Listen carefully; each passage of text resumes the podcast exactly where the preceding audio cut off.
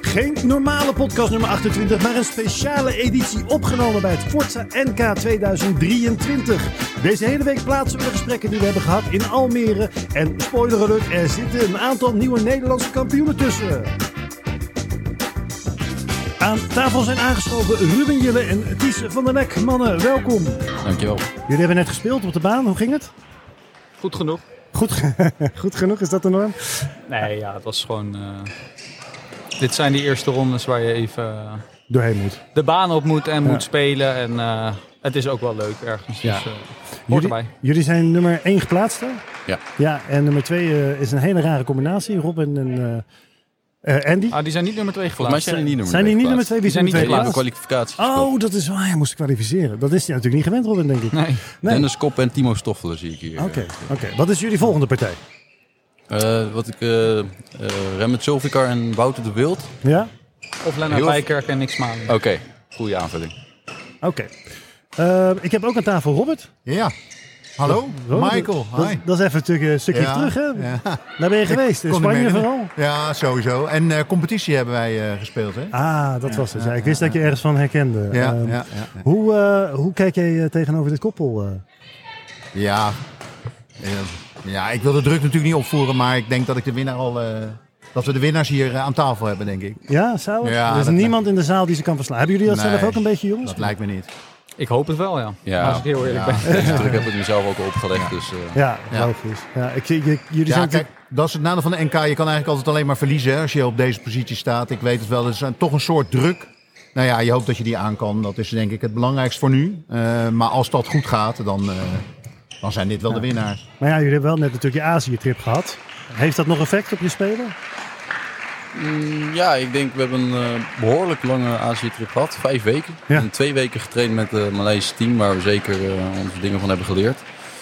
Ehm, waar Ruben ook nog ziek is geworden in Ja. Azië. Dus, Oh, eh, echt? ja, dus eh, ja, dat is al een tijd geleden. Maar wat is ziek? Wat, wat had je, Ruben? Wat verkeerds gegeten? of? Nee, ik denk dat het iets van een griep was. Oké. Leunend tegen corona misschien aan, maar eh, We hebben wel een test gedaan, alleen die was negatief. die was negatief. Ja, ja. Alleen wel gewoon een eh, goede week in, in bed gelegen, daar. Oké. Ziek gespeeld. Eh, geen aanrader. Maar eh, dat was natuurlijk wel balen. En eh, had ook wel een beetje effect op mijn fysieke gesteldheid eh, na de trip. Alleen eh, eigenlijk deze week weer gewoon de training opgepakt op Papendal. En eh, is prima. En wat, wat neem je dan mee vanuit Azië? Wat, wat, wat heb je daar? Je zegt veel geleerd daar zo. Ja. Maar wat heb je daar dan geleerd? Ja, vooral de handelingssnelheid in de mannendubbel. Iedereen die speelt daar met zo'n hoge snelheid en toch zulke, zulke rust. Ja.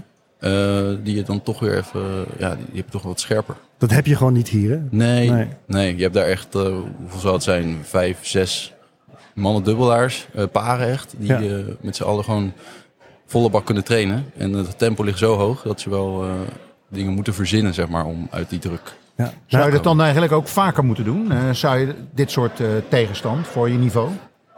Ja, nou ja, dat proberen we wel. Kijk, we, op dit moment staan we in de top 32. Dus spelen we eigenlijk alle grote toernooien. En dan sta je gewoon altijd tegen, tegen iemand die ja, gelijkwaardig meestal beter is. Want wij zijn gewoon een van de laagste die die, die toernooien inkomen. Ehm, en dat is vaak frustrerend, want ja, eh, verliezen is, is nooit leuk. Ook al is het van iemand die beter is eh, op papier. Ehm, en ik denk dat, dat lessen die we uit zo'n trip trekken, eh, ja, is met name dat, dat wij gewoon inderdaad niet snel genoeg kunnen spelen eh, op dat niveau, zeg maar. Dus als de tegenstander de snelheid verhoogt, als eh, de condities lastig zijn met veel wind in de hal, eh, veel mensen in de hal, eh, wat natuurlijk ook zijn effect heeft op, op, op, op je gevoel eh, op de baan daarmee leren omgaan is, eh, is zo'n trip gewoon heel goed voor. Ehm, ja. Maar ja, natuurlijk is het voor ons ook belangrijk om af en toe een potje te winnen. Dus alleen maar eerste rondes verliezen is niet, eh, niet geweldig. En als je het hebt over handelingssnelheid, want het is een heel groot begrip, handelingssnelheid. eh, wat is het allergrootste verschil? Waar zit echt het allergrootste verschil? Want handelingssnelheid is veel, hè? Eh, Is Ja. dat in een service return? Nou, is dat in een smash een of opvolging? Of Ja, waar, waar het- zit het in? Het, is het, le- het, is, het, het heeft heel groot te maken ook met het lezen van. Dus op het moment dat er iets gebeurt, dat je als partner meteen aanpast wat er gebeurt, uh, zodat je de volgende bal kan hebben. Soms, want het gaat zo snel, als jij één seconde te laat reageert, ligt hij al achter je bij ja. spreken. En zij weten zo goed wat ze moeten doen in bepaalde situaties. En daarbij komt dan nog kijken dat hun, uh, hun uh, groot begrip ook, maar de, de, de top 20, laat ik het zo zeggen, net een betere verdediging hebben, wat sneller zijn in de service situatie, net wat beter zijn in, in, in, aan het net.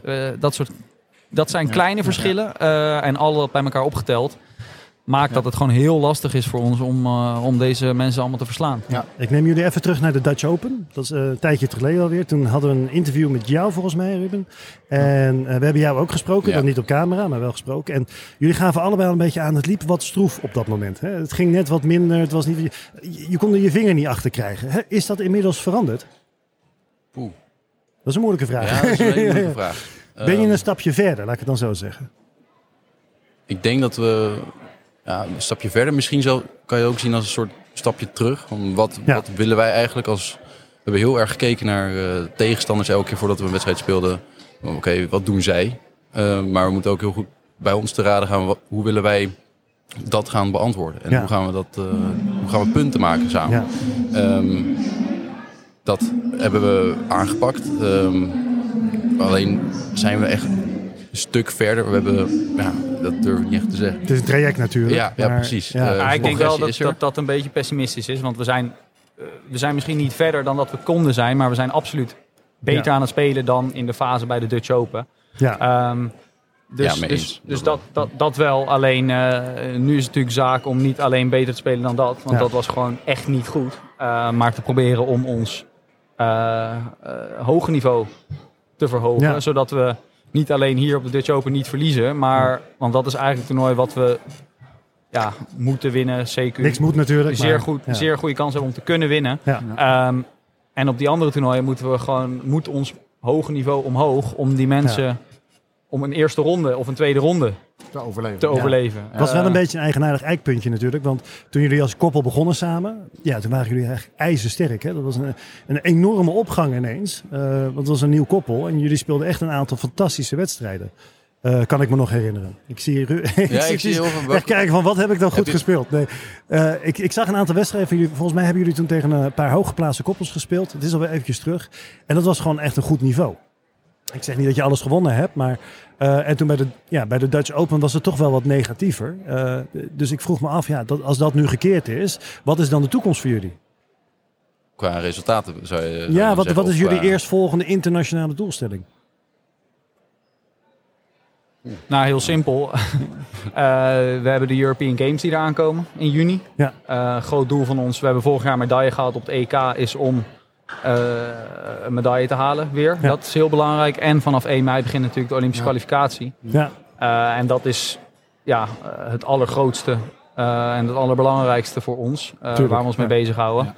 Um, maar uh, het leven van, van een badmintonner is in die zin redelijk druk. Want we hebben nog een Europese tour staan met de German, All England en Spanje en, en Frankrijk. We hebben nog een EK Mix Teams uh, over anderhalve week. Um, en dan gaan we... ja, Misschien een Suleiman Cup. ja, potentieel de Sudirman Cup, maar dat, dat is al in de Olympische kwalificatie. Ja. Um, maar de airmiles zitten goed, zeg maar. de air miles zitten prima, Ja. ja. ja, Ik heb een brandende vraag nog voor jullie jongens. En het zijn allemaal een beetje korte interviews, maar dit is, hey, iedereen heeft het erover. Het is de belangrijkste wedstrijd denk ik van vandaag. Want uh, Russell en Michiel die gaan straks uh, de baan op. Um, het is een nieuw koppel. Wat, uh, wat denken jullie dat hun kansen zijn in dit toernooi? Uh, moeten wij niet tegen Halve finale eindstation. Ja, want daar moeten Ja. wij tegen Michiel. Ja, daar kom je ze tegen. Ja, kom je ze tegen. Nee, Eh, nee Ja. eh, kijk, Russell en Michiel, Rus, of Russell is natuurlijk echt een onwijs talentvolle speler. Uh, Geweest? Of, uh... ja, jammer Nee, dat het er niet helemaal uitgekomen Dat verlies je niet, Ja. Nog steeds, dat Ja. verlies je niet. Het Oh, gevoel dat hij Talent op, verlies je niet. Nee. op 13, 14, 15-jarige leeftijd uh, al had, is, uh, is denk ik tot op heden ongeëvenaard door een uh, speler van die leeftijd. Um, maar ik hoop dat wij met, uh, met onze uh, ja, vaardigheden daar toch wel een antwoord op kunnen, kunnen verzinnen. Uh, maar ik hoop ze te ontmoeten in de halve finale. Ik zou het leuk vinden. Ik ken ze beiden en met name Russell uh, redelijk goed. Dus uh, het zou leuk zijn. Oké, we gaan straks proberen trouwens. oh. maak straks een bedrag mee over. Russell gaat straks een mooi bedrag naar me overmaken, dat is prettig. Dat kan ik goed Hij heeft Ruben niet nodig, uh, Rus.